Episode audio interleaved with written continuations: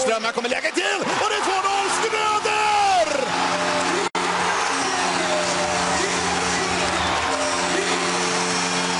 Och stället går bananas! Fullständigt! Gälleräven Center jublar. Hej och välkommen ska ni vara till eh, ett poddspecialavsnitt av eh, Svenska fans modepodd Stället går bananas. Och eh, jag heter Peter Kempe som vanligt höll jag på att säga. Och så har jag med min radarpartner Johannes Forsberg. Hej Johannes! Tjena, tjena! Och eh, idag så har vi även med oss eh, Simors, får man väl säga, Lars Lindberg. Och jag undrar Lars, eh, föredrar du svenska eller engelska? På något sätt kändes det som att det skulle komma, men vi får ta det där då. Eh, Jag, jag började tänka direkt så här, Kempe, eh, föddes du som Kempe eller har det någonting med Kempehallen att göra?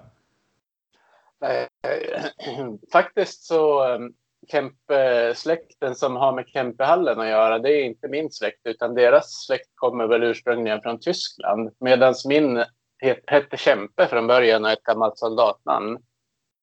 Så det är eh, nästan en slump bara att det är samma, för, samma namn. förpliktigande att, eh, att det var Kempe och inte Kempe. Ja, på ett sätt så. Ja, på något sätt. Ja. Ja. Då, då Lars, är jag nyfiken på när du... När började du jobba som kommentator? Eh, ja, alltså på, på Simor med hockey började säsongen 2012-2013. Men eh, som kommentator, eh, jag började med innebandy och det var säsongen 2011-12 då eh, min lärare på journalistlinjen hade jobbat inom sport-tv. Och han fick en Mm. förfrågan om han ville kommentera en match åt SVT Play och han kunde inte det och vi hade hunnit bli rätt nära vänner. Och så sa han det att ja, jag kan inte ta jobbet men jag har en kille som kan göra det. Och då gav min lärare, som Tobias Lundberg heter han, han Mm. eh, gav mig ledigt från skolan för att jag skulle få sitta hemma och förbereda mig för det där. Och så fick jag prova på, eh, kommentera och, så, och sen fick jag efter att ha och prova fick jag nog fler uppdrag och så sen fick jag mig in på innebandy på TV4 Sport eh, av en Mm. ren slump. Det var en som var sjuk som inte kunde och så kände jag han som var redaktör. Han visste om att jag brukar kommentera en webbmatcher och så. Så att jag fick hoppa in och köra en sån match och så gjorde jag det några, gång- några gånger i, i slutspelet där det 2012 då på våren. Och så på Mm. sommaren 2012 så hörde Simon av sig och så sen började med med eh, SHL-kommentering 2012-2013 och jag tror att min tredje match var en Modo-match. Ja, just det. Mm. Då var jag riktigt usel kan jag lova. Riktigt usel. Jag påstår inte det är bra nu för det tycker jag verkligen inte men, men eh, då var jag usel. Ja, det är tur att man kan utvecklas som person också. Förhoppningsvis. Jag tycker att det var ocharmig, or, eh, en skägglös yngling som satt där. Men eh, det är inte för att det finns någonting av charm eller skägg nu heller. Men det var det ännu värre då i alla fall. Ja. Men eh, när, du, när du började, produktionerna på matcherna då jämfört med nu, är det ungefär likvärdigt? Eller hur? eh, Om, om du kan jämföra på något sätt. Ja, men jag ska säga att när, när jag började så var det, då fanns det ju, på den tiden så hette det ju Simor kanal plus och så fanns det någonting då som hette live-matcher. Jag minns inte exakt hur det titulerades. Men då de Mm. matcherna som idag är en vanlig SHL-match eh, så var det oftast en huvudkamera som följde pucken och så var det en närbildskamera och en kamera eh, nere vid eh, rinken. Så det var kanske tre Eh, Eh, möjligtvis ibland att det var fyra kameror. Det kan ha varit någon till bakom mål eller sådär. Och nu standard, om jag inte har räknat helt fel, så på alla SHL-matcher så är det 13 kameror som producerar matchen. Och det är klart att den skillnaden, de har ju, den har ju dubblats så det är en en rejäl uppgradering. Och framförallt så är det ju en helt annan bildkvalitet. Det finns eh, eh mycket mer tänk på att man ska kunna producera matchen för att göra det mer intressant. Det finns en kamera som är vigd åt att följa stories i matchen. Till exempel som eh, på lördag så kommer ju direkt Fredrik Weigel inne så kommer han ha en kamera på sig direkt han går in på isen. En, det kallas för en ISO-kamera, alltså som man följer en profil helt enkelt. Så då har man egentligen hela dens byte filmat in på en närbild. Och det, det har tillkommit och sen har det tillkommit omklädningsrumskameror och mycket. Så det, det, har- det har dubblats kan man ju helt enkelt säga. Ja. Men eh, på Hockeyallsvenskan är det inte lika många kameror om det är en vanlig standardmatch. Tänker jag. Nej, då är det ju oftast... eh, Det finns ju tre olika sändningsmodeller. Jag vet inte. Jag hoppas, inte, jag hoppas att det inte är hemligt, men det tror jag inte. Men va- vanlig, vanliga matcher, nu är ju Modo och Björklöven är ofta stora matcher. För det är ju det är klart att de matcherna som är mest intressanta är de som tillhör toppen. Och de som Ja. drar, drar mest intresse. Därför har ju Modo och Björklöven sänds mycket i studio. Men det, den grund, grundproduktionen är ju bara en kamera. Det är egentligen en huvudkamera som ju zoomar in och som följer matchen. Och det är ju på de här vanliga matcherna. Sen har ju vi, de produceras ju av ett företag som heter Sportsground men sänds på Simor. Eh, och ja, de produceras helt enkelt inte på samma sätt. Sen finns det en mellanvariant som heter, ja den har, den har ett facknamn, men eh, ett fakultetsnamn då, som jag inte tror att det är någon svordom. Men eh, där, då, är det, då är det en kommentator som är på plats på arenan med eh, ungefär samma uppsättning nästan som en grundseriematch i SHL. Det är någon kamera mindre men som produceras i som en mellanmodell. Och den brukar oftast gå parallellt med en studiomatch som går onsdag och fredag och så brukar det oftast vara en sån en söndag och måndag. Och det, skillnaden till år är att det är många fler sådana matcher och så är det lika många studiosändningar som gör att vi försöker öka bevakningen på på mellan, eh, alltså de matcher som inte är studio. Vi är studio onsdagar och fredagar normalt sett. Så de Ja. är fler helt enkelt. Just det. Men eh, de här matcherna, de minsta produktionerna, är, är det kommentatorer som inte tillhör Simor som kommenterar dem? Då? Jag har förstått att de eh, sitter och klipper ihop höjdpunkterna själv. Ja, de det, det, det, är en, eh, det är en liten annan arbetsbelastning, det får man ju säga. Men eh, det, det kan vara, det kan vara eh, ja, det, är inte de som kanske ordinarie kommenterar på Simor. det är det inte. Det, det de jobbar, eller de kommenterar ju på Simor, men det sänds på Simor. Men det, de jobbar åt det här företaget som heter Sportsground. Men det finns ju vissa där som även gör matcher på, på, på Simor såklart. Men, men de flesta kanske inte gör det. Eh, Så det är en liten annan del. Men sen ska ju sägas att de här studiosändningarna som vi gör är ju med fyra stycken som jobbar framför rutan. Där vi har två stycken i studion och två stycken uppe på hyllan. Det har vi ju. Det är ju bara i slutspelet i SHL som det är så stora produktioner på plats egentligen. Sen finns ju en studio Ja. i Stockholm på SHL-matcherna som är klart att det drar ganska mycket resurser. Men Hockeyallsvenskan har väldigt stora produktioner, de här studiosändningarna. Ja. Jag förstår ju också om det är full SHL och Hockeyallsvenskan omgång så är det väl svårt att hitta hur många som helst som kan kommentera matcherna också. Men Ja. eh, Jag vet inte exakt hur det där funkar om jag ska vara helt ärlig. Men de, de som kommenterar SHL är ju de som tillhör grundstallet. Sen eh, de som kommenterar Hockeyallsvenskan är också sådana som tillhör Simon. Det där är lite byråkrati som jag inte kan helt Ja. ut. Men, eh, men man kan väl säga att, eh, att de här matcherna som är med en kamera. De, är ju, de, produktion, de produk, produceras lite annorlunda helt enkelt. ja, precis. Men du sa att du, du gick någon journalistlinje. Vad har du för, för utbildning i, i ryggen när det kommer till det här? Jag gick eh, ett år, första året vanlig journalist, alltså för att bli journalist helt enkelt. Och så andra året så gick jag en, eh, en linje som hette, hette tv och radiojournalist. Och det var på Strandbäcks folkhögskola i Umeå. Jag är född i Skellefteå och så flyttade jag dit 2010 för att, för att plugga. Då. Så pluggade jag i två, två år lite drygt och så sen blev jag färdig där. Och så sen dess har jag jobbat med eh, kommentering på något sätt egentligen sen dag ett jag var klar. Just det, ja, men det, du hade tur då med andra ord. Ja, bananskal deluxe. Men Ja. det, var ju, det var ju tack vare den här, eh, min lärare Tobias som visade mig in. Och jag hade tur att han ville ge mig chansen och det var ju tack vare han som jag fick chansen. Och då får man vara väldigt Ja. tacksam för det. Ja, men precis. Och sen tog du den ju, för du har ju blivit kvar ett bra tag på att kommentera idrott. Ja, antingen det eller så har jag en väldigt bra hållhake på min chef. Eh, men, men, nej, men jag, har, jag, har, jag har blivit kvar i alla fall. Det får man väl skatta sig lycklig för. Så att på något Ja. sätt har, kanske inte riktigt eh, helt värdelös i alla fall. Även om man säkert kan tycka det. Jag tänker på ni som, eh, som kommenterar matcher så där. Eh, får ni, får ni era första val att göra periodpausintervjuer med eller får ni någon, någon eh, ni inte hade räknat med ibland? Jag tänker på när man ska komma på frågor under matchens gång och så vidare. Nej, och vi bestämmer ju eh, vi bestämmer själva vilka vi, om, vi, om man är ensam och kommenterar en match så bestämmer man själv vem man vill intervjua. Och är det en studiosändning så finns det ju också en redaktör som kan tycka till. Och eh, även eh, sen kanske experterna har någonting som de undrar över som de vill att man ska fråga om.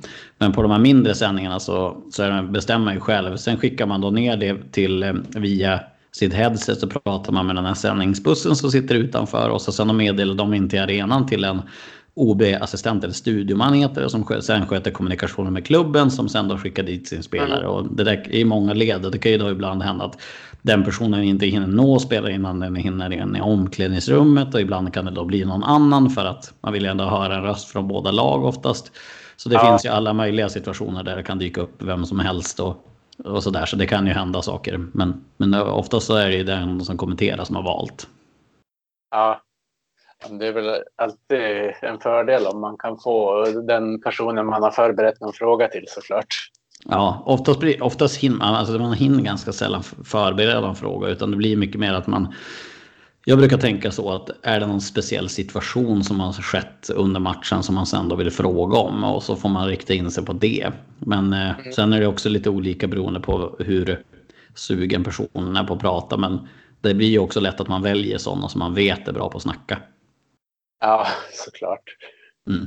Det, har, det har väl funnits någon form av tabu mot att intervjua målvakter i periodpauser också. Är det, är det bara så att det inte har blivit att det har blivit målvakterna eller är det att de har tackat nej?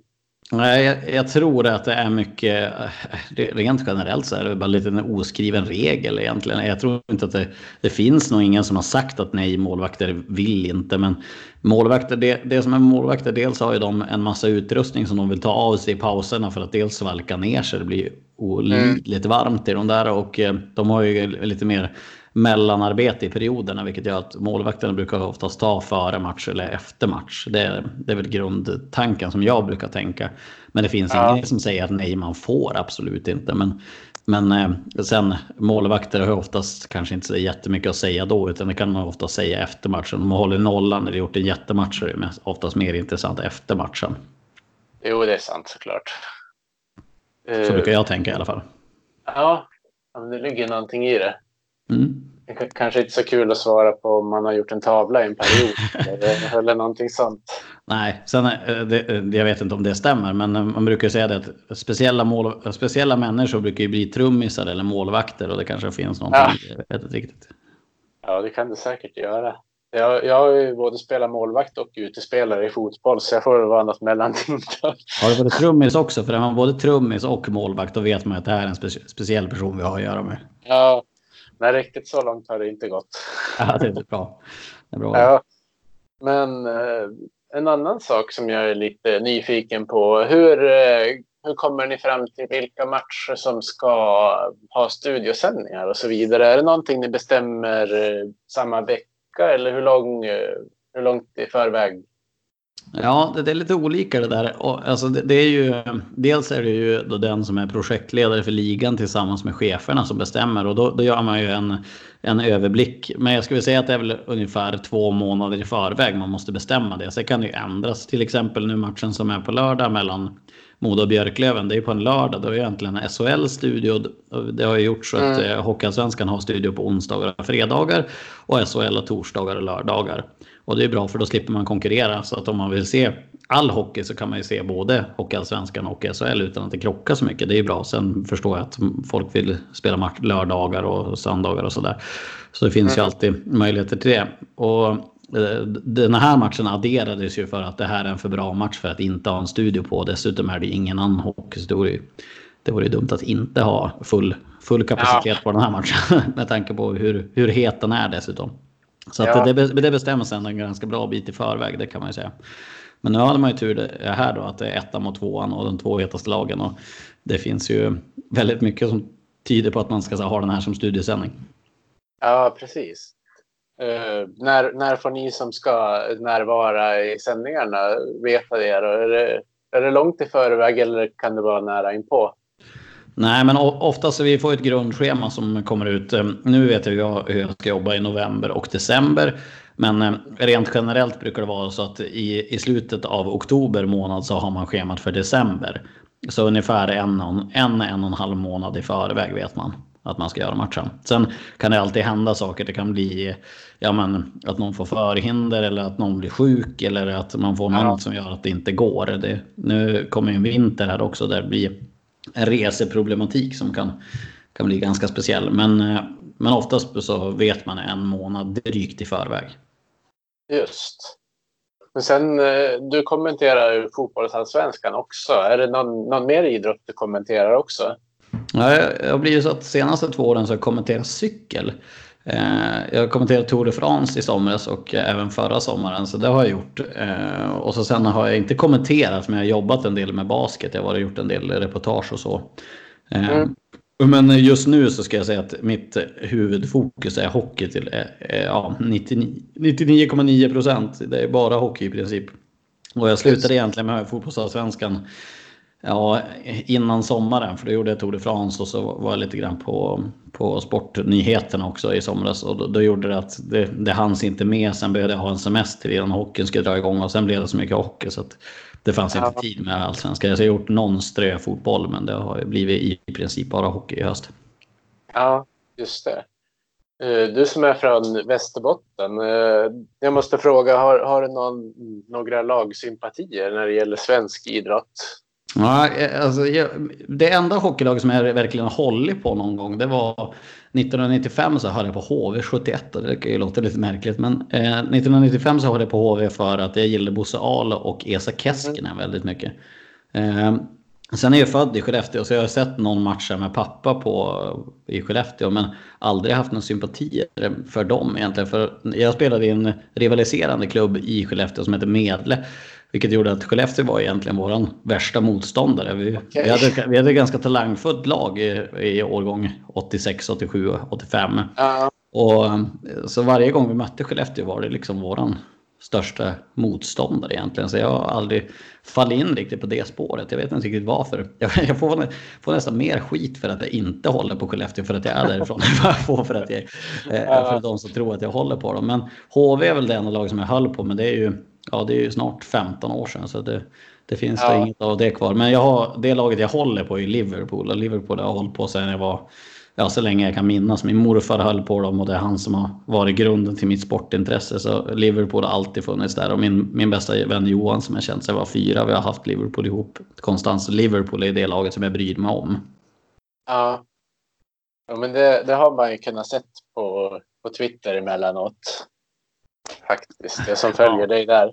Det är svårt, Men... det är svårt att...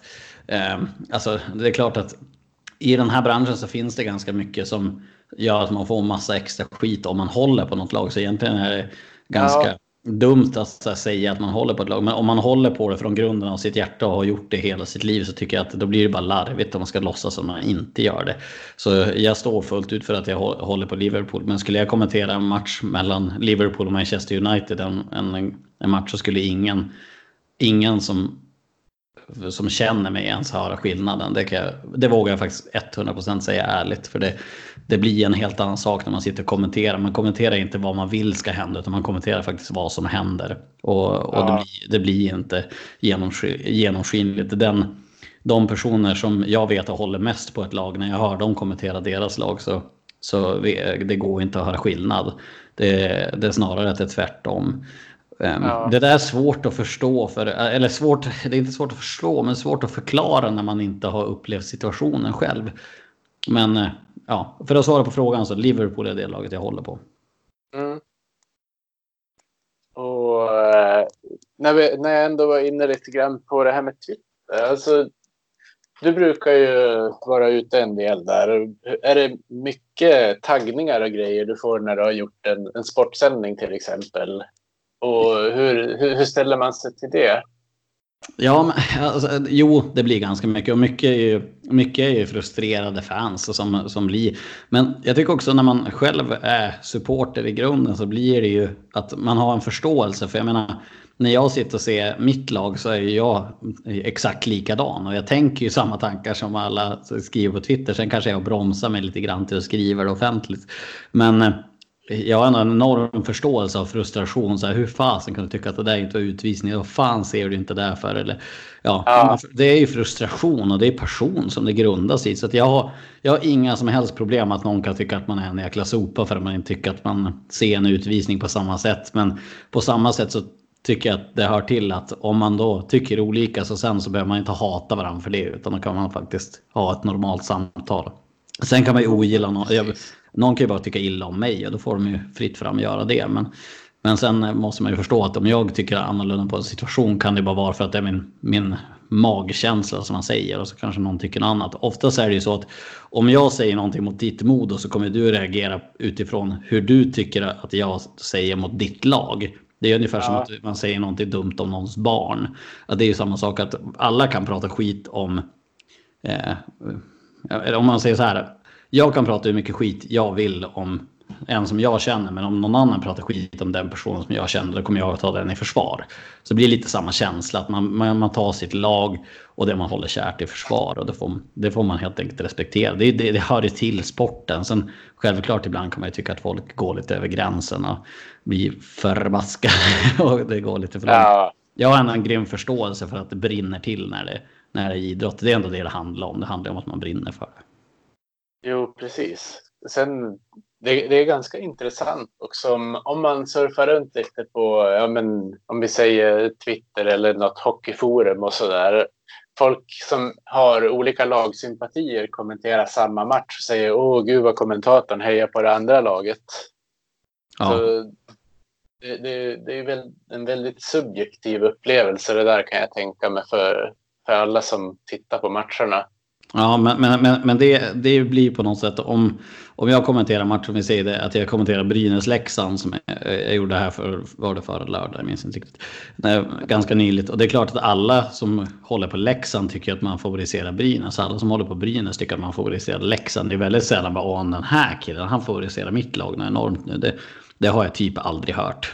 så så att man måste ju tänka, ja, man behöver inte tänka, men om man vill tänka på det så kan man ju tänka på att oftast har ju man själv en subjektiv syn på det. Då kanske man tycker att den andra har en subjektiv syn på det också. När man försöker att göra det så rättvist som möjligt. Mm. Man kan ju inte göra alla tillfreds hur man än gör när det handlar om, som du säger, passion och idrott. Det, det går liksom inte att hitta ett mittemellan i en sån situation.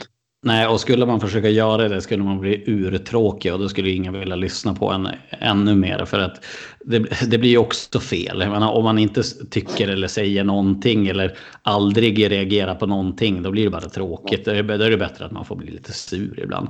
Jag menar, livet är ju sådär, man, man blir sur ibland. Det är lika bra att man får bli det när man ser på sport också. Det hör ju till. Herregud, ja, det är ju... Det finns väl inte en, eh, en idrottsfan som inte har skrikit åt tvn eller någon spelare någon gång. Så Nej, det, det, det vore unikt och jag menar i så fall då, ja, då är man ju inte tillräckligt intresserad skulle jag nästan vilja säga. Så det var, på något sätt så, så får det ju läka ut. Jag, jag tycker att så länge man håller på en okej nivå, inte att det blir personangrepp utan att man bara blir sur på situation. Och sen kan ja, man man får hålla det på en vettig nivå men annars känslorna det måste få finnas där. Sen behöver man inte dra det så långt men känslorna måste alltid få finnas där. ja, absolut. Det håller jag med dig om fullständigt. Eh, men eh, jag tänker på eh, en annan sak inom när ni kommenterar matcher. Indelas det någonting geografiskt utifrån var ni bor någonstans? Eller kan, om vi säger, kan du åka ner till Skåne och någon som bor typ i Göteborg kan åka upp till Skellefteå och kommentera en match? Ja, eh, grunden i det är ju till, till huvudschemat så är det ett hållbarhetsperspektiv. Att menar, rent ekonomiskt, miljömässigt och allt annat så är det ju, är ju dumt att skicka mig till, till eh, Ängelholm när en kommentator bor en timme därifrån med bil. Och samma sätt så är det Ja. dumt att skicka någon till Skellefteå på en det, det är ju skillnad också. De matcher som är studioinramade så finns det vissa kommentatorer som är de som är första valen i, till att göra studion. Samma sak i Hockeyallsvenskan, samma sak i SHL. Och då går ju de före så att de gör sina matcher. Men sen utöver de matcherna som är utanför huvudmatchen så är det klart att det finns ett geografiskt perspektiv och det är ju det är hållbarhetsperspektiv. Dels ekonomi och så sen miljömässigt, hållbarhetsmässigt att man kan faktiskt. Det är ju smartare att jag åker till Luleå som är någon, någon timme i bilen än att någon ska sitta på två flyg och sen ta fyra taxibilar. Ja, precis. Det säger sig självt om man tänker ja. lite längre. Så det, det, så blir det ju såklart och det är ju ja, det vore ju nästan ologiskt om det inte vore så kan jag tycka. Du, du jobbar ju en del i, i studion nu. När, hur, när började du med det och hur kom du in på det? Ja, alltså det är faktiskt ganska nyligt. Det är, det är ganska exakt ett år sedan. Det var i slutet på oktober i fjol. Eh, i, I fjol så var det Frida Nordstrand och Axel Pileby som skulle köra programledare då i studion i Hockeyallsvenskan. Och ja. det började så, men sen så fick eh, Axel Pileby jobb på Efter fem som skulle startas på TV4 tillsammans med Tilde de Paula. Och det gjorde att det öppnades upp en lucka i Hockeyallsvenskan. Och då kollade cheferna efter någon, någon ny programledare dit helt enkelt. Och jag, jag hade aldrig varit programledare så jag fick en fråga av min chef om jag ville åka till Karlskrona och göra Karlskrona mot Tingsryd, det derbyt där i sydostderbyt. Och jag tänkte ja men det kan jag väl göra. Och sen i slutet av samtalet så sa han bara det. Jo förresten, du ska vara programledare, du ska inte kommentera. Ja. Jag, jag frågade, jaha varför då? Eh, men eh, då var det så att eh, David Olofsson som är projektledare för Hockeyallsvenskan hade ja, men han hade väl tyckt att jag kanske skulle funka bra i den rollen. Så han sålde in den idén och cheferna köpte det och var villiga till att prova och ge det ett, försök. Och sen, eh, för att citera min chef så sa han det att eh, ja, det gick ju inte sämre än vad vi hade förväntat oss. Så att, det, var väl, det var väl någon form av subtilt beröm antar jag man får läsa mellan eh, raderna. Så det, det funkar ju uppenbarligen okej okay. och jag och Mike fick ganska snabbt en, en kemi och samma sak jag och Harald. Så att, sen till i år så blev det bestämt att jag jag och Frida körde då resten av säsongen i fjol delade vi rakt av. Hon körde lite mer. Sen var tanken att vi skulle dela i år. Men eh, då tillkom rättigheter till Simon och TV4 för Serie A och La Liga. Och Frida har en situation där hon har eh, deltidsboende i Spanien. Så det gjorde att hon får eh, möjlighet att resa runt och göra reportage på, på de ligorna. Vilket gör att hon eh, har gjort det nu under oktober och november. Och då har ju jag kört alla matcher helt enkelt. Och då får vi se hur länge det fortgår, om det fortsätter så eller men men just nu så kör jag alla och så Harald är med på alla matcher och så är Stefan Klemes och Åke Unger på varannan. Och Mike är med på ja, tre och fyra eller sådär. Just det. Så det, det var ett bananskal där också. Så jag är bra på bananskal. Ja. Jag tycker inte så jättemycket om bananer egentligen. Jag tycker att de kan vara lite söta. Men, men bananskal är jag bra på. Ja, uppenbarligen. Och så får det att funka också. Det är ju också en styrka.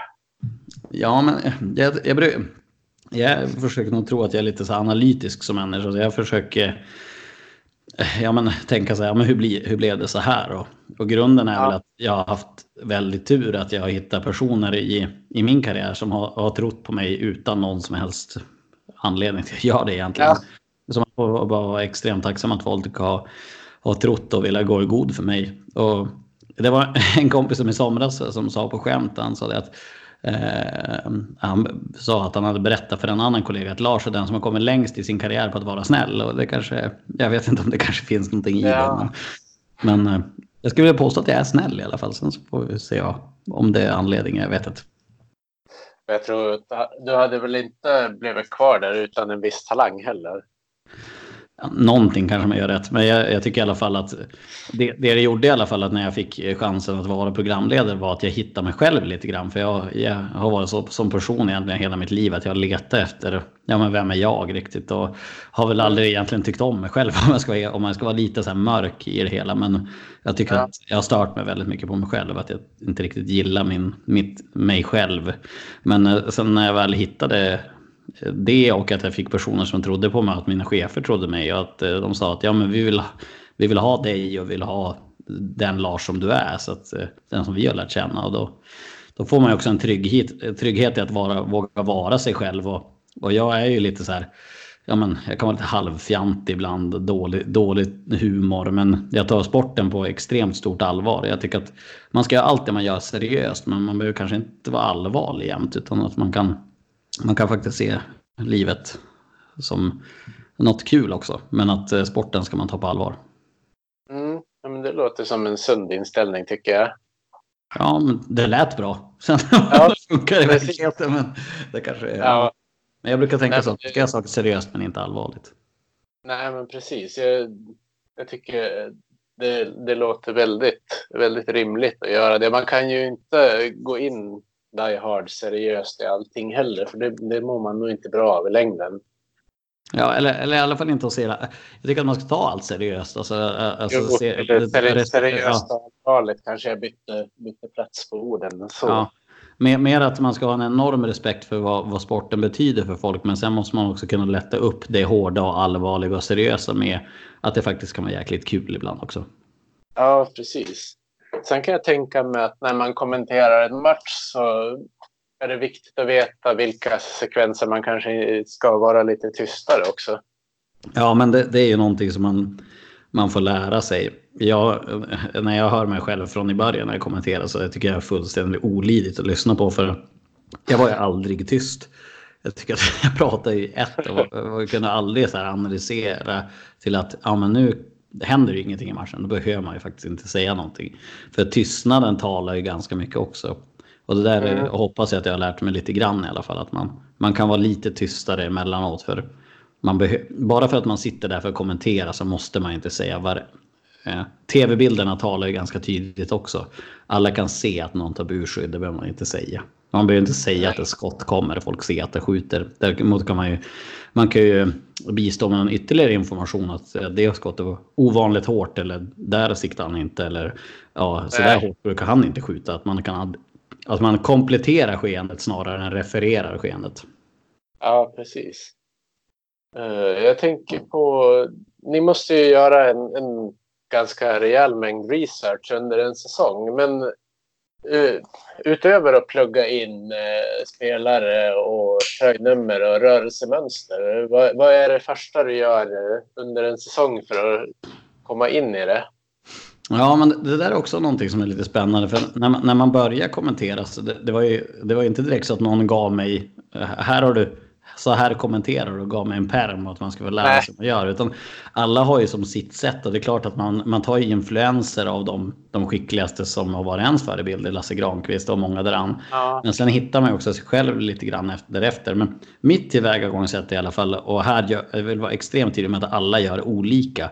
Men mitt sätt är i alla fall att jag har inför varje säsong så gör jag ett lagdokument på alla lag, alla spelare, alla tränare där man går igenom eh, födelsestad, längd, vikt eh, och ålder. Sen går jag igenom vad de har för moderklubb, tidigare klubbar. Sen har jag med, med åren då hittat ett system. Jag använder Excel där jag har är lätt att hitta ja, men hur folk eh, har spelat med varandra.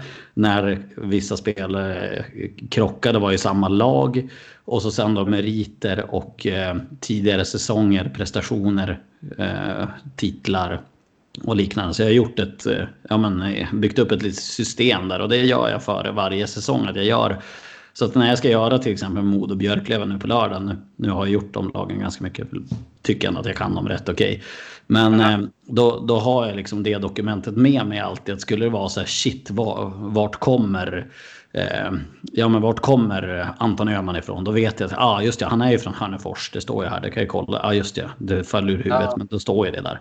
Eh, det där är sånt som man inte hinner kolla mitt under flygande spel. Men däremot så kan det vara bra att ha med sig det om det skulle vara att man vill bygga under någon story med den informationen. Eller att det bara faller ur huvudet lite grann så kan det vara bra att man har med sig sånt. Sen gör man också mycket statistisk förberedelse. I tv-branschen så använder vi någonting som heter bullets. Och det är ju det heter bullets på tv-språk, men det, det är rent krasst en statistikskylt som läggs över matchen. Nere i ett hörn kan det stå att Fredrik Olofsson har gjort poäng i sju raka matcher. Det är en bullet Mm. till exempel. En statistikskylt som man då har hittat för att bygga under, ja, underliggande statistik som man kan säga det att ja, men Fredrik Olofsson han är faktiskt riktigt bra nu och då kan man inte bara säga att han har spelat bra utan ja, kolla han har ju faktiskt också gjort poäng. Vilket gör Ja. att man då så, så bygger stories. Sen finns det massor av andra sätt också. Men, eh, men grundförutsättningarna till att göra match det är att man ska ha, koll på spelarna. Vad de har gjort, var de kommer ifrån och lite vem de är som spelare. Men sen också kunna aktualisera det lite grann. Att ja, men nu möter ju faktiskt eh, Modo Björklöven. Ja, Oskar Ståhl Lyrenäs förflutet i Modo och så till exempel. Ja, precis. Uh, händer det någon gång ibland att du, du, känner efter en match att, att jäklar, det här var inte bra eller oj, det här var ett riktigt bra referat? Om det har varit några speciella situationer och så. Ja, att det inte blev bra, det känner man inte jämt. men, nej, men, nej, men jag, jag, tror, jag tror att jag har eh, jag tror att jag har lite annan bild i huvudet av, av mig själv än, än vad man tycker utåt. Men, men, men eh, att man känner så här, oh shit, det här satt verkligen. Det, det är väldigt sällan man känner att det här varit en homerun. Däremot kan man hitta någon grej i matchen att ja, fast den här situationen, där hade man bra. Mycket i tv handlar om timing, att man ska ha kommit med en bra information som passar den bilden som kommer ut eller, eller det skeendet i matchen till exempel. Om, om Modo får ett powerplay och så bara nu nu har Modo här, de är ju skitstarka i powerplay. De har ju gjort mål nu i de fyra av fem senaste powerplayerna. Och så sen gör de mål. De har ju liksom varit före skeendet lite grann. Ja. Så timing, timing är ju alltid tv. Kan man ju säga. Ja. Och där, där innefattas det med mycket tur såklart. Men, men timing får man ju försöka lära sig lite grann. Det är svårt att lära men där får man ju ha lite tur och ibland så kanske det bara helt enkelt slår väl ut. Ibland så, ni som kommenterar har ju möjlighet ibland att hitta någon styrning som man inte ser förrän kanske på tredje reprisen heller. Så sådana grejer kanske också är något man kan känna att ja, jag såg det där ganska tidigt. Ja, det, det, det, kan också vara lite grann. För man ska ju säga det, när vi sitter och kommenterar match så vi ser ju inga andra bilder än vad ni ser. Däremot det vi har är ju det att vi har en sändningsbuss som sitter utanför där folk som sitter och kör reprisen och bildproducenter sitter och ser. De får ju i sin tur se bilderna innan vi ser dem. Så är det då mm. en, en bildproducent eller någon som kör repriserna som har jobbat väldigt mycket med. Nu har jag en väldigt stor tur att jag jobbar i princip alla matcher jag gör. Nej, inte alla, men säger att jag gör 60% med samma reprisförare och samma bildproducent. Och de är några av de absolut bästa i världen på det här. Och de, de är väldigt bra på att eh, om man ser en grej att snabbt de, alltså det går så enormt fort. Jag önskar att alla kunde få sitta i en tv-buss och se vilka proffs det är som jobbar bakom kameran. För det går så löjligt fort och de är... Alltså om, om vi, vi sitter ju i tv så det, vi syns ju mycket mer. Men mm. vissa som jobbar där bak, de är sådana genier så det är inte sant. Daniel Hallin, han som kör eh, mycket av det, reprisen, det kallas för EVS-operatör. Alltså man sitter och snurrar på... Man kan väl enkelt säga att om man tänker eh, hockeymatchen som ett, eh, ett eh, VHS-band. Nu, nu tänker mm. alla yngre titt, eh, lyssnare bara oj, vad pratar han om nu? Eller en CD-skiva. Man, man snurrar tillbaka CD-skivan, man liksom spolar tillbaka matchen för att sätta in en utpunkt som sen spelas ut. Och mm. det där går alltså på tre sekunder gör de det här. De är vansinnigt snabba. Och då hinner de, om de är riktigt skickliga, om man dessutom har byggt upp ett långt förtroende och att man vet hur man ska jobba tillsammans så kan ju de också hinna trycka ner en knapp och säga kolla styrningen eller typ 26. Eh, man pratar till vit och svart i hemma och bortalag. Så kan man säga kolla vit 26 är på den eller typ eh, den tar i stolpen. Sånt som jag inte har sett första reprisen. Det här kanske händer en gång på en match eller en gång på en vecka. Men det kan ju vara avgörande också för att man, man kan låta lite smartare än vad man är bara för att de har uppfattat en sak väldigt snabbt. Ja, när, när du nämner det där så kommer jag ihåg att jag såg någon film en gång där de de hade en, en kille som jobbade med något sånt där i St. Louis tror jag det var. Men jag kommer inte ihåg vad filmen hette nu på rak arm. Men eh, det, det är inte så viktigt heller i och för sig. Nej. Men, men, eh, men, eh, men det är faktiskt någonting, alltså just vad som händer bakom. Eh, för jag menar, att se matchen och prata till matchen, det kan alla som tar till sig lite grann hur det funkar. För det, det är ingen raketforskning. Man ska vara påläst och man ska kommentera vad som händer och sen får man ju lära sig hur man gör det på ett bra sätt. Men, ja. Eh, men det som sker bakom är ju en, eh, någonting som inte så många vet om hur det funkar. Och det, det är en, ett enormt maskineri. Att, ja, men när vi sänder matchen på lördag till exempel. Nu är det lite speciella förutsättningar just då. Men, men säg att det hade varit en vanlig studiosändning en, en mm. fredagkväll mellan Björklöven och Modo. Det är 25 pers som jobbar i tv-teamet nästan. Ja. Och sen eh, när det är så många kameror också som du pratade om. Att de klipper in rätt kamera i rätt sekund kanske för att det ska framgå ännu bättre. Ja, men där, där, där har vi, alltså det, det ska ju sägas att när till exempel hockey-VM och OS och sånt produceras så är det ju väldigt vanligt att svensk tv har produktionen på plats för att göra världsfiderna. Med andra ord kan man ju lite lätt säga att Sverige är typ bäst i världen på att göra hockey-tv. Alltså de Ja. som gör själva produktionen. Och det är ju de som är bäst i, ja, om man säger inom situationstecken världen, det är de som jobbar med att göra det här varje vecka i Sverige. Och det, de som är absolut vassast på hockey, nu, nu jag vill inte missa någon, men Anders Norberg heter han. han bor uppe i Umeå och han är, han är den som håller på med det längst. Och så finns det två yngre killar som heter Fredrik Dahlöf och Joakim Larsson. Det är de som gör i princip alla stora matcher. Eh, och så Stef, eh, finns det en kille som är söderut som heter Stefan Noreklev också som gör det, kanske de flesta stora matcherna. Och de är ju ja, världsledande på att göra hockey. Just det. Eh, som eh, någon form av eh, rap på den här intervjudelen tänkte jag be dig att ta tre händelser som sticker ut. Som du har varit med om.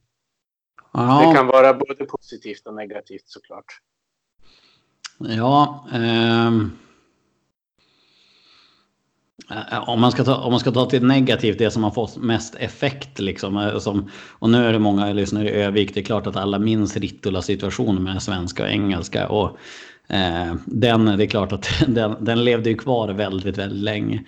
Eh, det var ju första året jag kommenterade. Lite kul var det att vi skulle ju intervjua Jonas Lehtivuori då egentligen. Men det blev Mattias Rittula på något sätt. Ja. Eh, och eh, sen gjorde jag en, ja, jag hann inte uppfattat vad Mattias Rittula som stod där och så sen när, när jag såg det så sa jag svenska eller engelska. Och det, jag fick höra det varje dag i två års tid tror jag.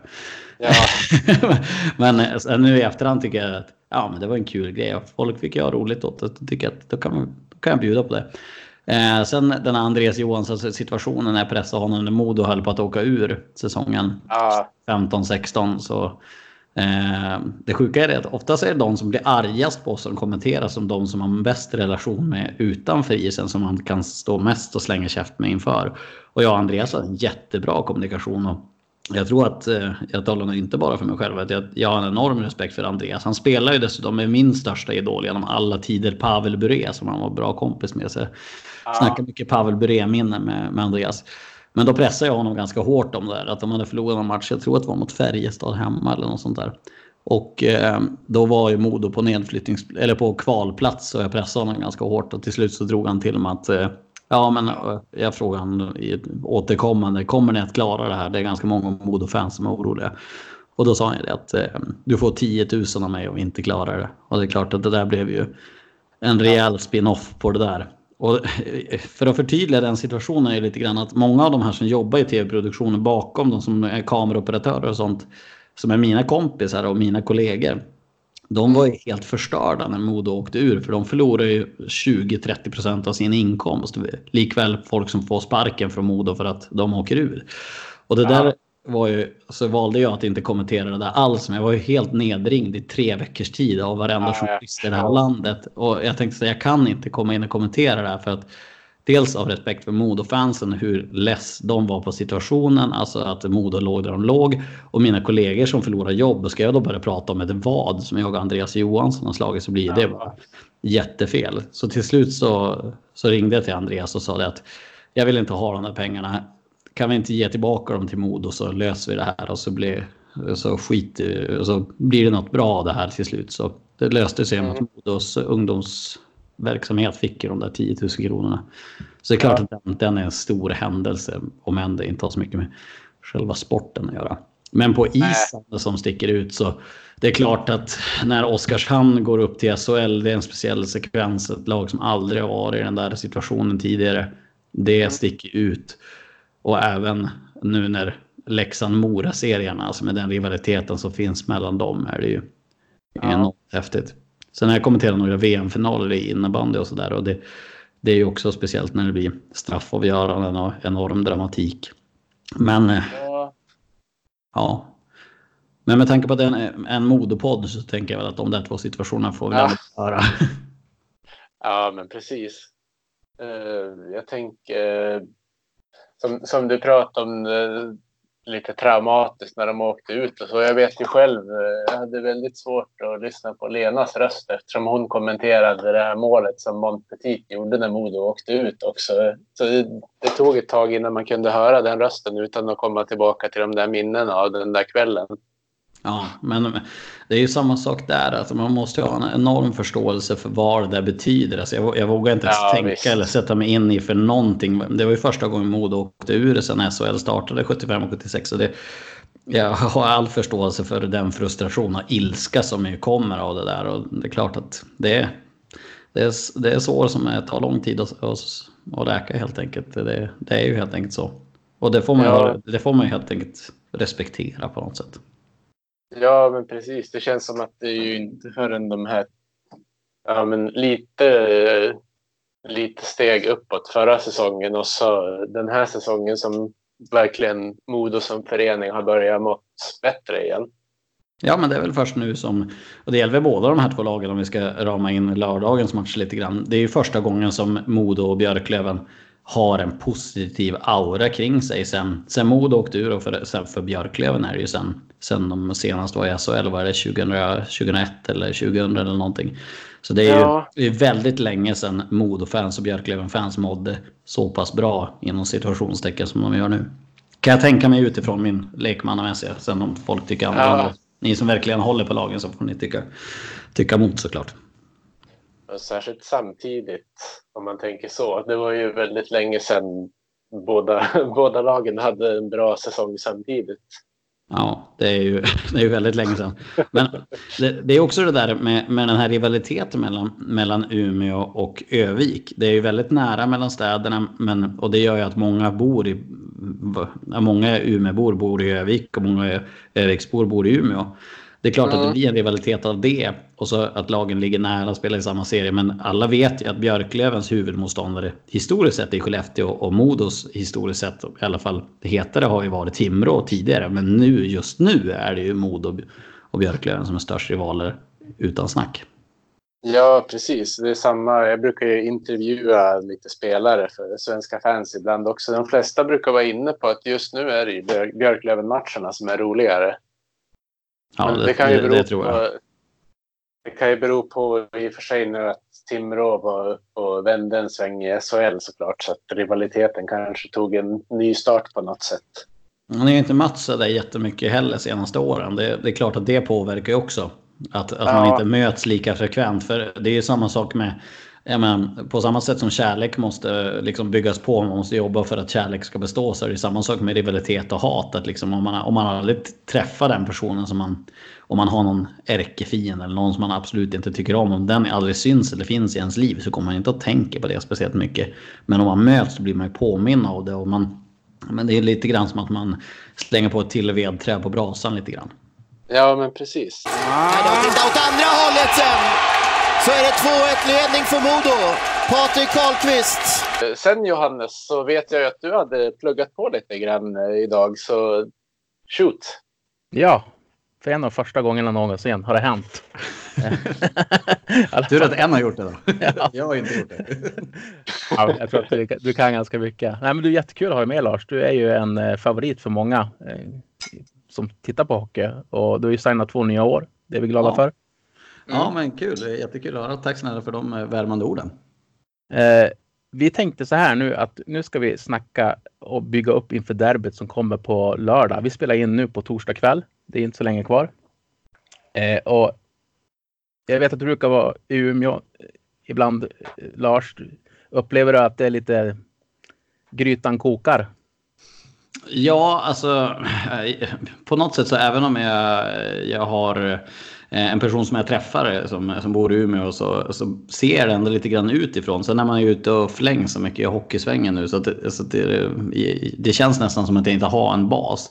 Men vad jag tycker med, med hockeytänket så, så känner jag lite grann att det är samma i Övik och i Umeå. Att just så här mycket framåtanda och tro på det som finns på isen. Det var det väldigt länge sedan det var. Jag menar det är ju sen SHL-dagarna och kanske en bit tillbaka i SHL-dagarna i, i Modo. Och senast det var så uppstyrt i Umeå som det är nu med under Per Kente och, och nya vdn Anders Blomberg. Det, det har det inte varit sedan, det, sedan det var 90-tal, på att säga. Nej. Mm. Eh, och jag försökte hitta någon jämförelse om hur viktig den här matchen känns för fans. Och, och det, är precis som du säger, alltså det, det är till nästan gå tillbaka till SHL och, och när, när det var som störst rivalitet med Timrå. Ja, vilket år var den, den där klassiska kvartsfinalserien som var? Precis den jag tänkte på. 20, vad kan det vara, 2012? Eller tidigare till och med. Ja, det tidigare. Det, jag tror att 2006 var Peter. Ja, det är så långt tillbaka. 06-07, det året som Modo vann guldet var det. Jajamän. Ja, just ja. Att det, det är så länge sedan. Ja, men just det. Vi tog upp det där i ett derby nu som var här under hösten. Då, för Harald var ju tränare både 2006 2007 och då vann ju Modo i, i, i den serien och så vann Timrå 2007 2008. Just det, så var det. Jajamän. Ja, jag vill minnas att det var, var, det, var de inte i semifinal 2008 så tappade, vad hette han, Lehtonen, skridskoskenan. Ja, just det. Det var den där klassiska bilden han inte kunde få sig till båset. Ja. Ja, Det känns, det känns ju nästan som eh, eh, prejudikatet av att tappa skena på skridskobilden som man, så långt bak som man kan minnas den. I alla fall den första Ja. jag minns när man tänker tillbaka. ja precis. plågsamt minne. Den klassiska bilder.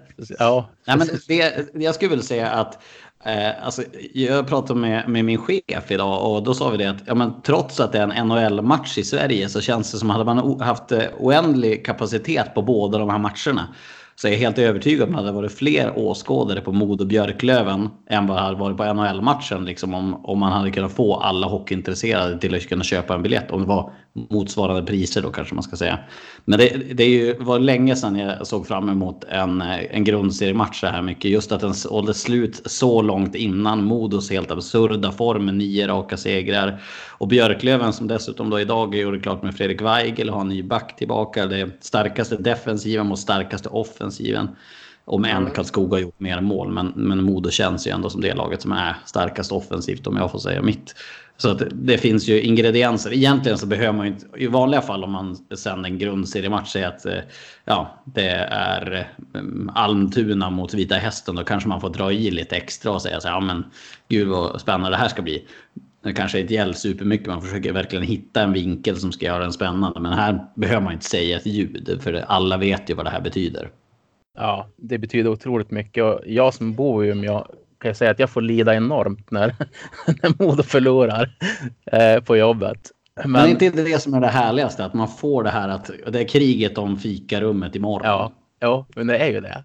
Och Ja. jag, är en dålig vinnare också. Och blir riktigt oklädsam på måndag. Jag brukar komma i Modo-tröjan och verkligen visa upp mig. Men det hör till. Det är väl ändå det som man ska göra. Jag menar, man måste ju vara en dålig förlorare och en dålig vinnare för att det ska bli riktigt kul där egentligen. Ja, men det, det är faktiskt, det ligger någonting i det. Eh, jag tänkte att vi skulle snacka lagdelar. Eh, Mm. Och eh, jag har lite statistik också. Kommer slänga lite frågor, men det är öppet att bara snacka om vad man vill. Eh, men lite grann för att rama in det. För det första, det har varit ganska långt uppehåll för Löven. Åtta dagar får det till. Modo sex dagar. Nu när de kör igång på lördag. Kom, tror ni att det här kommer påverka matchen någonting? Mm, om, om jag är fräck nog att börja då så tror jag, jag tror inte att det påverkar alls. Eh, det, det som påverkar utifrån är ju att eh, Mattias Norlinder inte finns med för Modos del. Eh, I övrigt skademässigt så är det ju ganska, det, det är ju ganska ljust i Modo får man ändå säga. Och i, i Björklöven så är det ju några avstängningar och sådär, några långtidsskador. Men rent återhämtningsmässigt och hur, hur lång tid det är mellan matcherna, nej, jag tror inte att det spelar roll alls. Peter, har du någon inflik där? Eh, nej, jag tror att det som de eventuellt kan ha tappat där, det får de tillbaka i form av adrenalin när de hör publiken köra igång. Så jag tror inte heller att det kommer påverka nämnvärt. Nej, det får vi hoppas. Eh, jag tror som ni att det, det spelar ingen roll inför den här matchen. Jag tror att alla är så fruktansvärt taggade. Det kommer bli en riktig gryta som du befinner i dig på lördag. Lars, det kommer koka. Jag, jag har ju förmånen att jag ska stå i studion så jag står mellan båsen också. Så jag hoppas att det ska vara lite hett mellan båsen också. Det är inte alltid det är det under grundserien. Det brukar oftast vara i, när det börjar gälla lite mer. Men det är ju kul om det kan hetta till något sånt. Men just, det- just det här med att man inte behöver, alltså men tränarna behöver inte säga någonting till spelarna heller. De behöver bara gå ut på isen så kommer de att fatta vad det betyder. Harald Lyckner brukar alltid säga det att att eh, när han tränade Mora så ville han att alla lag som de skulle möta skulle värma upp i Leksandströja. För då behövde man inte säga någonting, att alla spelarna förstod vad, vad det betydde i den matchen. Och det här är ju samma sak. Alla Modospelare, när de ser Björklöven och de ser klacken, de ser publiken och de ser inramningen. Och det är klart, jag menar, de är inte döva heller. De vet ju om att den här var slutsåld i fyra dagar och att det är krig om biljetter. Det är klart att alla förstår det. De behöver inte säga någonting, Björn Hellkvist och Joakim Fagel. De vet ju exakt vad de kommer få ut av spelarna. Det är snarare att de får bromsa spelarna lite grann. Mm.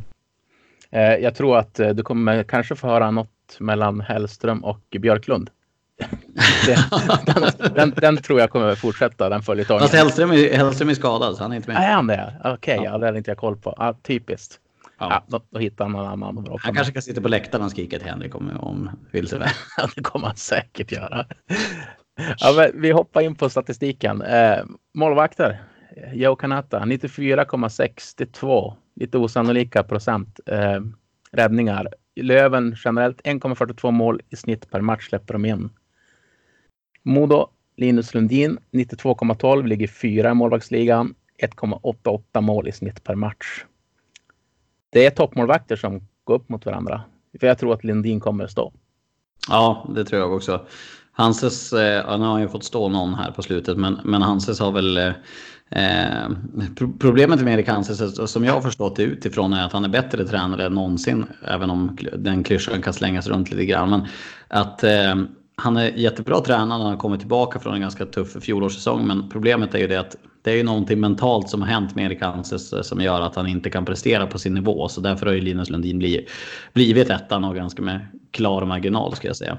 Men eh, skulle jag jämföra målvakterna så skulle jag säga att eh, Linus Lundin och Erik Hanses är bra målvakter. Joe Canetta är seriens överlägset bästa. Jag skulle säga att han är eh, övre halvan av SHL-målvakterna så bra Joe Canetta. Så det är faktiskt på, om man, vi kommer säkert att komma till de andra lagdelarna. Där tycker jag att mm. Modo har ganska tydlig fördel på ganska mycket. Men just målvaktssidan, där tycker jag Björklöven har ett riktigt trumfkort. För det. Där tycker jag Joe är klart vassare än vad Lundin och Hanses är.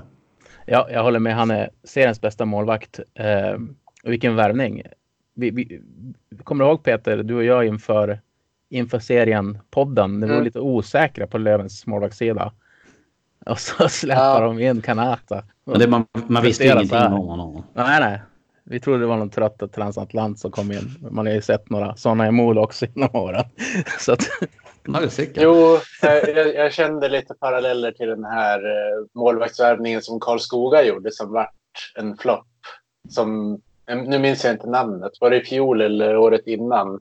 Som hade så bra renommé från staterna som inte lyckades alls. Men här har ju verkligen Björklöven hittat jackpotten.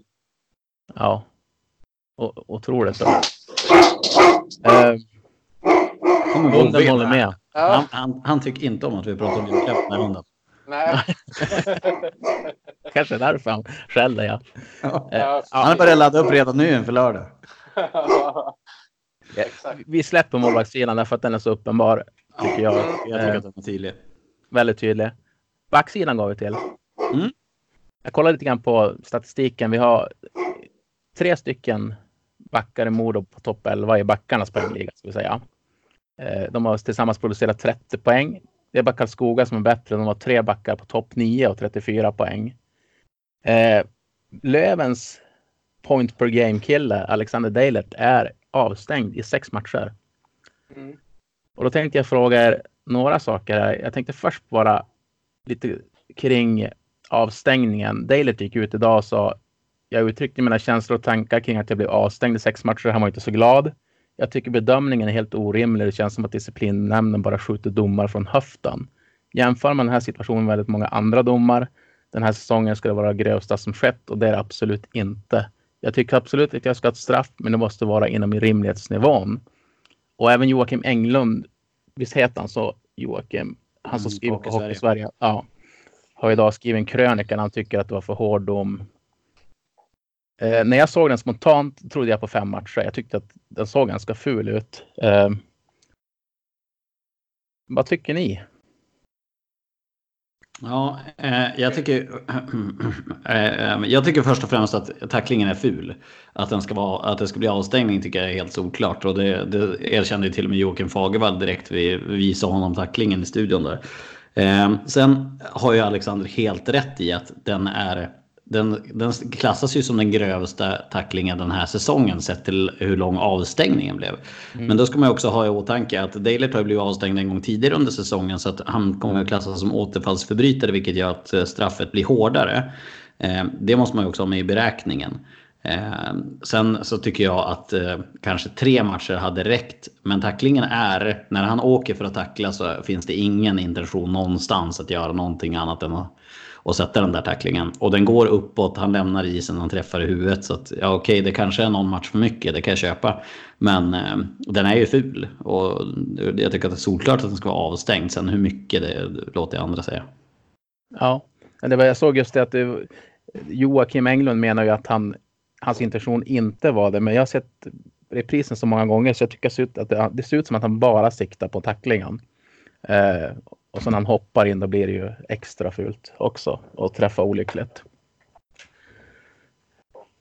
Men eh, vad säger du Peter? Vad, tycker du att det är rimligt med sex matcher? Ja, alltså, jag hade väl kanske trott på någonstans mellan tre till fem matcher, men sex matcher absolut. Om man, särskilt om man tänker på hur tacklingen han blev avstängd för på försäsongen satt. Det var ju alltså, väldigt lite koll på pucken och väldigt mycket koll på spelarens huvud då också. Nu mm. säger, säger inte jag att det var hans intention med att sätta den här tacklingen, att han ville träffa huvudet just, men det, det är ju det han gör när man se på det ja. på, ett, på ett ganska nyktert sätt.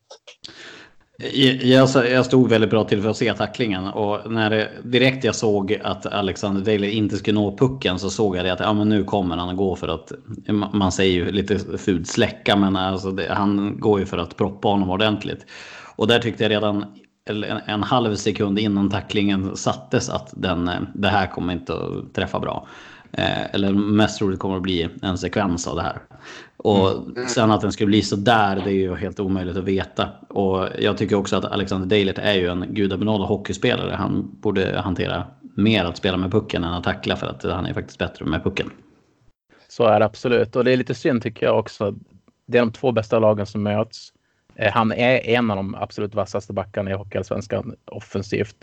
Man vill ju faktiskt att de bästa spelarna ska få vara med. Men han är avstängd. Mm. Då har man lånat in Gustav Borman från Färjestad. Men han har inte mm. spelat i SHL utan som jag förstår är från J20 Elit. Jag vet ingenting om honom i princip. Ja, nej men exakt. Han, eh, de tog in honom. Han har inte fått någon speltid alls i Färjestad den här säsongen. Utan han eh, flyttade tillbaka. Han var provade i eh, AHL förra säsongen i Iowa. Men fick spela året innan där lite grann i ECHL. Och så har han varit några säsonger i OHL. Men han är fostrad i, i Luleås organisation. Men jag tror han, han nu har jag inte svart på vitt här, men jag skulle gissa att han har spelat två, tre, fyra matcher kanske i J20 och tränar med med Färjestad här. Så att eh, ja, ja, det är ett oprövat kort på svensk is helt klart. Ja, absolut. Jag måste bara... det, är, det är inte Alexander Deilert, det är det inte. Nej, det är absolut Nej. inte. Det, man vet inte ens om man håller på den här nivån i en sån här stor match. Men sa, du, sa inte du att du var opåläst? ja, jag, jag, jag vill notera att jag har ju ändå, ja, jag gör sådana lagdokument på alla lag och då har jag gått igenom det här så lite koll har jag ändå. Ja, det är ganska bra koll. Men vi, vi, vi ställer den konkreta frågan. Dejlet är borta, eh, Norlinder är borta i Modo. Mm. Backsidan, vilket lag har det bättre ställt? Modo, men det ska jag säga även med Deilert att de har faktiskt. För eh, ehm, eh, om, man, om man kollar till exempel eh, eh, om, om, man bara ska se till det hockeymässiga så tycker jag att Modo är bättre. Men det som jag gillar med Modos sätt att bygga. Man blir ju svag att det är en hemmagrodd backsida. Att alla är inom en 10 mils radie från, från Örnsköldsvik. Mm. Och det där är ju någonting som jag tycker, det blir jag väldigt svag för. Det känns nästan som att det blir lite nostalgiskt när man ser, när man kollar till modeklubbarna i alla, eh, alla spelare i Modo. Men sen, sen har ju eh, Modo den bästa backen på pappret i ligan i Tobias Enström. Jag tycker inte han spelar som den bästa backen i, i ligan. Men däremot tycker jag att Tom Hedberg är bästa backen i ligan. Sen är Mattias Norlinder eh, är också en av de absolut bästa och som ju mest troligt kommer att bli den bästa av dem framöver. Mm. Den som kunde mäta sig med dem det är egentligen Brian Cooper och eh, även Andreas Hjelm. Och nu har ju eh, även Björklöven trappat Andreas Hjelm till Södertälje. Eh, Hjelm är ju definitivt en av ligans tio bästa backar, skulle jag säga, om man inte är en av de fem. Ja, men tio bästa i alla fall. Mm. Men jag tycker att det är ganska klar fördel Modo på den här sidan. Jag menar dessutom har de lite spännande som kommer underifrån. Men eh, de sju som kommer att spela, jag menar Anton Öhman som nu fick han ju göra sitt första poäng här senast mot Södertälje, en andra rass eller vad det var. Men eh, de har han som sjunde back och det är klart att det är ändå styrketecken. Absolut. Ja, Eh, Jag, jag tänker så här, vilka ska jag... Jag nämnde det att det, det är tre backar och det, det är de unga backarna i mål. Det är Tom Heberg, Viktor Berglund, Mattias Norlén där. Eh, det är de som har stått för de här 30 poängen inledningsvis. Vilka ska hota bakifrån i, i Löven? Vilka fyller på där när Dale är borta? Är det Cooper? Ja, men jag, jag tycker ändå att Hardy Hammond Aktell har haft en riktigt bra start på säsongen. Det är en tvåvägsback egentligen, men, men som har en ganska positiv eh, offensiv sida. Att han, är, han vågar bryta in, han vågar ta lite obekväma vägar och sådär. August Thornberg har ju ett väldigt bra skott. Eh, ja, Cooper egentligen, det är ju en defensiv back eh, främst. Men sen Oliver Larsen också lite tvåvägsback. Nej, men det är faktiskt som du säger, det, det är faktiskt ingen som har den offensiva spetsen. Eh, som kan mäta sig med, med Hedberg framförallt. Och, och även då, ja Berglund är ju där uppe också får man säga. Tomi- Tobias Enström. Eh, ska vi klassa honom som tvåvägsback numera kanske? Ja, jag, jag tycker det. Han, han tar nästan lite mer defensivt ansvar nu än vad han gjorde tidigare i karriären. Alltså att Ja, han är mer... framförallt med Mattias. Ja, jo, han har väl ingen val kanske. som han är ute och åker. Att, eh, ja, Nej, men vi sätter en klar fördel på Modo på backsidan i alla fall. Nu ska vi gå in till forwardsidan. Den är ju lite extra spetsad nu med tanke på att eh, det är inte helt officiellt än tror jag. Eh, Jag kan, jag kan sätta, mitt, eh, jag kan sätta min, hö, mitt högra lillfinger på att det är sant. han kommer bli presenterad imorgon och han kommer spela på lördag. Det kommer Ja. Fagervall se till. Jag, lov, jag lovar att stå i, mellan båsen i flipflops om, om man inte spelar på lördag. Okej, ja, vi, vi köper den rakt Då av. måste du skicka en bild till Leif Bork också. Jag lovar. jag lovar. Ja, Eh, nej, men vi vet ju att Fredrik Weigel, Eh, klasscentern får man säga från AIK i fjol, kommer eh, komma in i, i Löven. Eh, och vad innebär det här för Löven? Alltså det är klart, de får ju en fruktansvärt duktig center. I redan ganska stark center. Ja, jag skulle nog säga att alltså, om man ser till de centrarna som är kvar från i fjol. Alltså, jag skulle säga att han var Hockeyallsvenskans bästa center i fjol nästan. Jag vill nog nästan sträcka mig hela vägen dit. Mm. Möjligtvis, ja kanske att Hilding eller Pispanen var bättre. Nej, alltså jag, nej, jag tror faktiskt att Weigel var bästa centern i ligan i fjol. Och um, han kanske inte är det nu för han har haft lite trögare start i, i Finland. Men eh, Eh, Eh, jag skulle säga att både Jonsson och Olofsson kanske är just nu hetare, men det, vet, det är för man vet inte riktigt vart, eh, vart Weigel står. Men det är klart att det är en första center som kommer in och hans spelgeni är ju... Ja, han är god för 45-50 poäng och, och även om han... Han kan ju lätt göra 40 trots att han har missat 16 matcher. Så det är klart att det är en jätteförstärkning och sen är ju han en, definitivt en derbyspelare. Han är ju en sån som är ju inte främmande till att slänga lite käft och, och reta upp eh, de motståndare som finns på isen på andra sidan. Så han är en jätteförstärkning. Men eh, det gör ju också att de har en lite märklig situation på centersidan i, Mm. i Björklöven. De har ju både han, de har den här nya Tyler Wessel, de har David Lindqvist, de har Fredrik Andersson, Pontus Andreasson. Nu har jag glömt någon. Eh, och Kristoffer Söder som är sex stycken, sex stycken centrar. Som gör att många får flytta ut på kanten. Tyler Wessel dessutom invärvad till Björklöven mycket för hans tekningsförmåga. Men mycket tyder ju på att han kommer få spela ytterforward nu. Att de kommer plocka honom från första formationen. För Weigel måste spela en första kedja. Det är orimligt annars. Eh, vilket gör att jag tror att Tyler Wessel kommer att få gå ytterforward. Det är min gissning. Jag har ingen aning om det blir så på lördag. Men jag tror det. Kanske Mm. att, han, att han tar tekningar och så sen då får, får han ägna sig till ytterforwardspel sen med Andreasson som center där kanske. Men, men eh, det är en jätteförstärkning. Punkt. Ja, visst är det det. Jag tror inte något lag hade tackat nej till honom. Eh, Vi fick en Twitterfråga faktiskt kring just det med att Mm. han skulle ansluta till Löven och det det, det, du var in, det du var inne på alldeles nyss. Eh, att de är 16 utespelare. Egentligen finns det plats för det. Någon Nej. borde röra på sig. Ja, men de har ju en skadesituation också. Lukas Eriksson är skadad. Eh, sen har de ju... Eh, Reinersson som de har lånat ut i svängar till eh, Vännäs eller om det var till Teg, nu minns jag inte riktigt. Mm. Eh, och eh, han har ju möjlighet att låna ut. Eh, sen får det bli konkurrensmässiga skäl, men jag tänker mig att någon kommer ju att, eh, någon kommer att få åka. Och det är väl inte jätteotroligt att de kanske skeppar Lukas Eriksson när han är tillbaka från skada om han nu går att flytta på. Om jag inte är helt o, oinformerad så tror jag att han har ett ganska högt kontrakt vilket gör att han kanske inte är helt lätt att, eh, att köpa vidare till andra lag. Nej, just det. Eh, liknande situation som Modo hade på backsidan med Tobias Eriksson. Mm, exakt. Jag Eh, tror eh, dessutom hade, de- hade de inte fyra sådana kontrakt i Björklöven eh, innan Kente tog över. Som de valde att inte förlänga då på grund av att det skulle kosta för mycket. Jag, jag har hört rykten om det där i alla fall. Så det är väl Mm. därför några av fansens favoritspelare fick lämna. På grund av att de inte hade råd att ha dem kvar. Jag tänker Mm. på tänker på Jonsson bland annat som de väl hade velat haft kvar egentligen.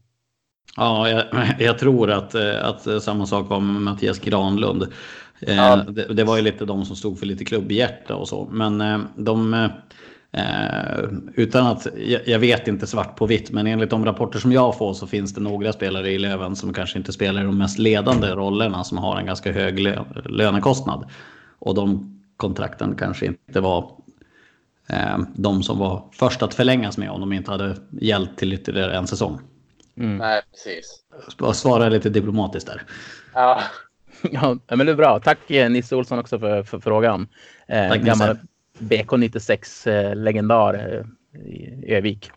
Mm. Eh, vem, vilket lag väger in? Hur ser det ut pappret? Hur ställer vi de här två otroligt skickliga forwardlagen mot varandra? Alltså det är ju, det är ju Hockeyallsvenskans bästa som går in här för drabbning. Vågar jag Ja. påstå. Det är väl Karls- Karlskoga som kan, kan konkurrera. Men eh, jag skulle nog säga att eh, det är faktiskt ganska klar fördel för, för Modo. Jag menar om man kollar på, på den första formationen som de formerar nu med Jonsson, Karlqvist och, och Tambellini. Den är ju riktigt, riktigt vass. Och sen har ju Olofsson också möjlighet att leda en kedja nu med att han har etablerat sig lite mer på svensk mark och kan, kan visa upp sitt fulla spel. Han, eh, jag tror att eh, det är ganska många SHL-klubbar som kollar på Fredrik Olofsson och dreglar ganska mycket. Men Ja. jag, jag tycker att det är klar fördel för, för Modo på forwardsidan om man ska bara se på pappret. Men eh, ja, klar, men en liten fördel är det i alla fall. Ja, eh, jo, Fredrik Olofsson, jag hörde Sanne Lindström och eh, Johan Svensson i deras senaste podd snackade väldigt bra om honom också. De, ja, de tyckte väl egentligen bara det var Dahlén som var bättre just nu än Fredrik Olofsson. Och han är just en gammal gedigen center. Det är ju duktig båda sidorna av isen och bra blick för spelet, kan göra mål, kan lägga passningar, stark på pucken. Eh, vi måste gå upp i SHL om vi ska ha kvar honom. Så är det ju. Jag Men- tror faktiskt det ligger någonting i det. Jag tror, men samtidigt, den situationen gäller ju för ganska många. Jag menar, det finns ju inte chans i världen att Tom Hedberg spelar i Hockeyallsvenskan nästa år. Inte någon Lindner heller. nej. Men han, där är det snarare om... Ja, han kanske gör ett år i SHL, men han kommer ju att bli eh, span från ännu högre ort så att säga. Ja, det blir jättespännande att följa honom. Eh, jag, jag tänkte så här, när jag analyserade laget eh, själv också, så målvaktssidan till Löven, eh, backar och forwards till Modo. Och därför kom jag med en grej nu som kan ändra ändå hela utgången, fastän vi är så duktiga på att gissa här nu. eh, utifrån lagdelarna, och det är special teams. Ja, där är, där är det ju klar för det till Björklöven. Eh, Modo, alltså, det är också jättekonstigt. Jag kan, jag kan bara inte förstå hur Modos powerplay inte är bättre än vad det är. Nu har det blivit lite bättre på slutet, men om man kollar på spelarna som finns i det här laget så är det ju ett lag som ska kunna ha, ja, i alla fall lika bra som Timrå och kanske bättre än Björklöven om man ser på pappret. Men eh, ja, någonting är det bara som inte riktigt har lossnat. Men, men samtidigt kan det vara ett styrketecken också att man har så mycket produktion i 5 mot 5 och är så pass svaga inom situationstecken i special teams gör ju det att vart är då utväxlingen när det här väl kommer börja funka? För jag menar det finns ju i princip ingenting som säger att det inte kommer att börja funka. Vad jag tänker, alltså nu, nu är det lekmannamässig analys här. Men, men eh, det ser ju väldigt bra ut på pappret. Så jag tänker mig att ett powerplay kommer att börja fungera någon gång. Får man då igång ett bra powerplay med den målfabrikationen som Modo har i 5 mot 5 spelet. Jag menar då, då är det nog många SHL-lag som är ganska oroliga. I alla fall Oskarshamn och Linköping. Ja, ja, men så känns det. Det finns mer att ta. Det är ganska stor skillnad. Alltså Löven ligger på, de, ligger, de är bäst i, i Hockeyallsvenskan på sina 29 procent och Modo ligger på 18,6 procent i, i powerplay. De har ju kommit lite mer på slutet, men det är ändå inte alls samma kvalitet. Eh, hur, hur, många gjorde de mot SSK? Powerplay. Det vet jag faktiskt inte. Åtminstone två, två eller tre tror jag. Jag såg inte den matchen eftersom jag jobbade, men jag vet att det var men det, det, var ju inte sådana klassiska powerplay-mål direkt. Något var väl rent av en kontring tror jag. Alltså, de, de mål Modo gör i powerplay är ju inte klassiska powerplay-mål oftast. Nej, nej. Det, är, det är sånt som kommer från andra, andra situationer på något sätt. Ja, men jag tror att om man, om, man ska, om man ska vända på frågan så, jag menar just i den här matchen så kanske det är en fördel för Björklöven. Men om man jämför, eh, om man jämför med, med Timrå till exempel som har ju bara egentligen sitt 5 mot 4-spel och 5 mot 3 spel och Dahlén. De har ju en enorm problematik i att göra mål i 5 mot 5 spelet. Och då är det nog ganska mycket skönare att känna att det är bara powerplay som är problemet. Ja, jo det är sant. Eh, boxplay har ju varit ett, ett eh, sorgebarn, men det har man fått ordning på i, i Modo. Sista nio matcherna, då är det tror jag ett insläppt eh, boxplaymål. Så Så det känns som att man kommit till rätta med det där. Man ligger femma i statistiken. Där är också Björklöven bäst. 88,37 procent i boxplay. Mm. Uh, jag tänkte, jag kollade också hemma på en brottsplan lite grann för att, för att nu kommer den här statistiken med special teams. Det kan avgöra en match. Man kan gå in och teka med Tyler Wessel. Han vinner 67 procent av sina tekningar. Bäste Modit, Kalle Elbert på 25 plats. 53 procent. Mm. Där har de en stor, stor fördel. Det är också seriens bästa bortalag. Björklöven och Modo är seriens bästa hemmalag. Så det är som. Det är tung statistik för båda lagen. Men hur tror ni att det slutar då på lördag? Ja, det är, det är väl bara att slå en tärning och gissa. Nej, jag, jag, jag, jag har faktiskt ingen aning. Men eh, sett till Modos form så är det väl kanske lite fördel Modo. Jag menar nio raka, men det skiljer en poäng i tabellen. Och och det kommer ju att bli som du säger, det är ju special teams eller en ja, Björklund situation som mot Deilert i, i förra derbyt eller någonting. Det kommer ju att bli något märkligt. Jag menar, förra derbyt så ledde ju Modo med 2-0. Sen var det ett katastrofbyte som gjorde att Björk, Björklöven kom ikapp. Och så sen är det väl, ja, det är väl ganska enkelt att se att det är en utvisning när eh, Mm. När eh, sen Björklöven avgör. Alltså, jag menar, det kommer ju att vara någon sån situation och det är väl lite charmen med det också. Men det blir jobbigt för fikarummet att veta att det är något sånt som kommer att avgöra. Ja, vi får hoppas verkligen att, eh, att eh, det blir inget sånt avgörande. Det ändå var lite surt faktiskt. Men det är sånt som händer också i hockeyn. Det, det är bara att acceptera. Och jag hoppas också att alla kan njuta av matchen och att det inte blir några incidenter mellan supportrar. Utan alla sköter sig. Om Löven vinner lyfter vi på hatten och tvärtom. Det, livet går vidare. Äh, för kom du att lyfta på hatten verkligen? Nej, det kommer jag inte göra. Men man kan ju låtsas. jag, kommer, jag kommer vara sur så bara. Där. men, jag menar, eh, det är klart att det inte ska hända några incidenter så på läktarhåll, men att det, att det är lite hån och lite, lite hatkärlek, det, det ska det ju vara en sån här match. Den är ju lördagkväll. Jag menar, det, kaff, kaffet är ju, det kokas ju på lördag också. Ja, precis. Ja, nej, jag, jag vågar inte gissa. Alltså, kollar jag fem mot fem spelet och Modo kan bibehålla den här formen de har haft. Jag menar, vi får ner till Karlskoga som ligger i toppen av tabellen och det vart ju ganska övertygande seger. Men just Löven och de här derbymatcherna brukar aldrig följa någon logik. De, de kan ha varit dåliga i fem omgångar, alltså förlorat jättemycket i matcher. Men sen när de möter Modo, då gör de sin bästa hockeymatch. Ja, det är, det är väl oftast så det är. Det är ju det som blir derbymatcher ofta. Så det lär väl bli en slump eller någonting liknande. Men ja, man har ingen aning. Men, men det är klart att statistik, det blir ju statistik. Lögn är förbaskad lögn och statistik. Men det är klart att det, man kan ju ha det som, eh, som grundbult inför matchen. Men jag tror inte att det kommer vara det som avgör när vi väl kommer till lördag. Nej. Peter, vågar du gissa? Ja, alltså jag, jag tror ju att det kommer inte skilja mer än ett mål mellan de här lagen.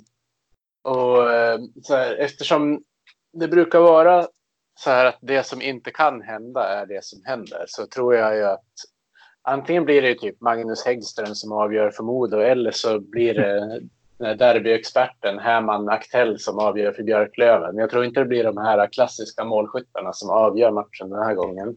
Du tror inte göra på någon tipptävling eller? Vad sa ni nu? Ska- Ska vi göra någon tipptävling eller någonting? Ja, vi måste nästan göra det.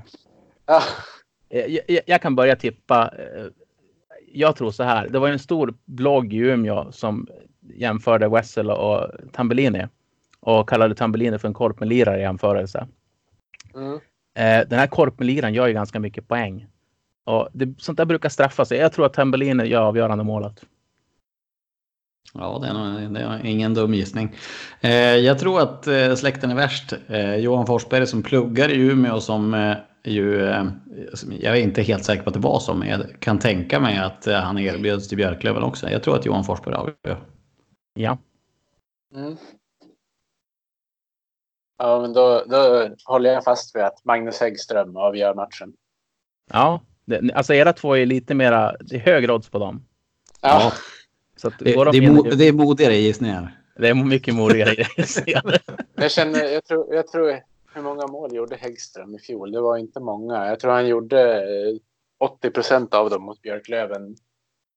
Så jag, eh, jag känner på mig att det, det finns någonting där. Det Ja. finns något. Ja, ja, vi som håller på Modo får hoppas på det. Eh, Ja, Tack så mycket för det här snacket och vad, vad heter det? Nu tappar jag bort mig här. Ja, Uppladdningen uppladdningen. Precis. eller någonting. Nej, men, Ja. eh, Tack snälla för lördag. testa och, och lycka till med, med kvällens bravad och så hoppas vi på en riktig hockeyfest på lördag. Ja, absolut. Eh, jag är lite avis att du får vara där, men det är mitt eget fel. Jag kunde köpt biljett för länge sedan, men eh, ja, hem, hemmet kallar också. Ja, tur den sänds på tv. Ja, jättebra och bra kommentator också. Det känns Ja. kanon. Ja, exakt. Eh. Åke Unger ska kommentera, han är jättebra. Ja, men Jag, jag, jag står, jo, men jag jag har står studiopersonal också. ja, just det. Du står ju mellan där och ger Mm. inblickar vad som händer mellanåt. Ja, men det är kul. Jag och Mike där nere och så Harald och Åke där uppe. Men eh, då får jag tacka dig Johannes och dig Lars för att ni har varit med och snackat upp Modo Björklöven inför helgens match. Och sen är det, är det så att ni vill lämna feedback eller eh, komma med något annat så gör det som vanligt. Så får jag tacka er så mycket grabbar. Ja, men Tack. tack. Tack snälla. jag måste tacka för att eh, jag, jag har sån extrem hockeyabstinens i veckan för det är ju inga SHL eller hockeyallsvenska matcher. Så jag tackar att jag får lite ventilation på min, mitt hockeysug. Ja, men du. Tack för det. Det- Men det är en stor ära för oss att ha med dig. Det märks att du är ett fullblodsproffs. Ja, kul att få vara med.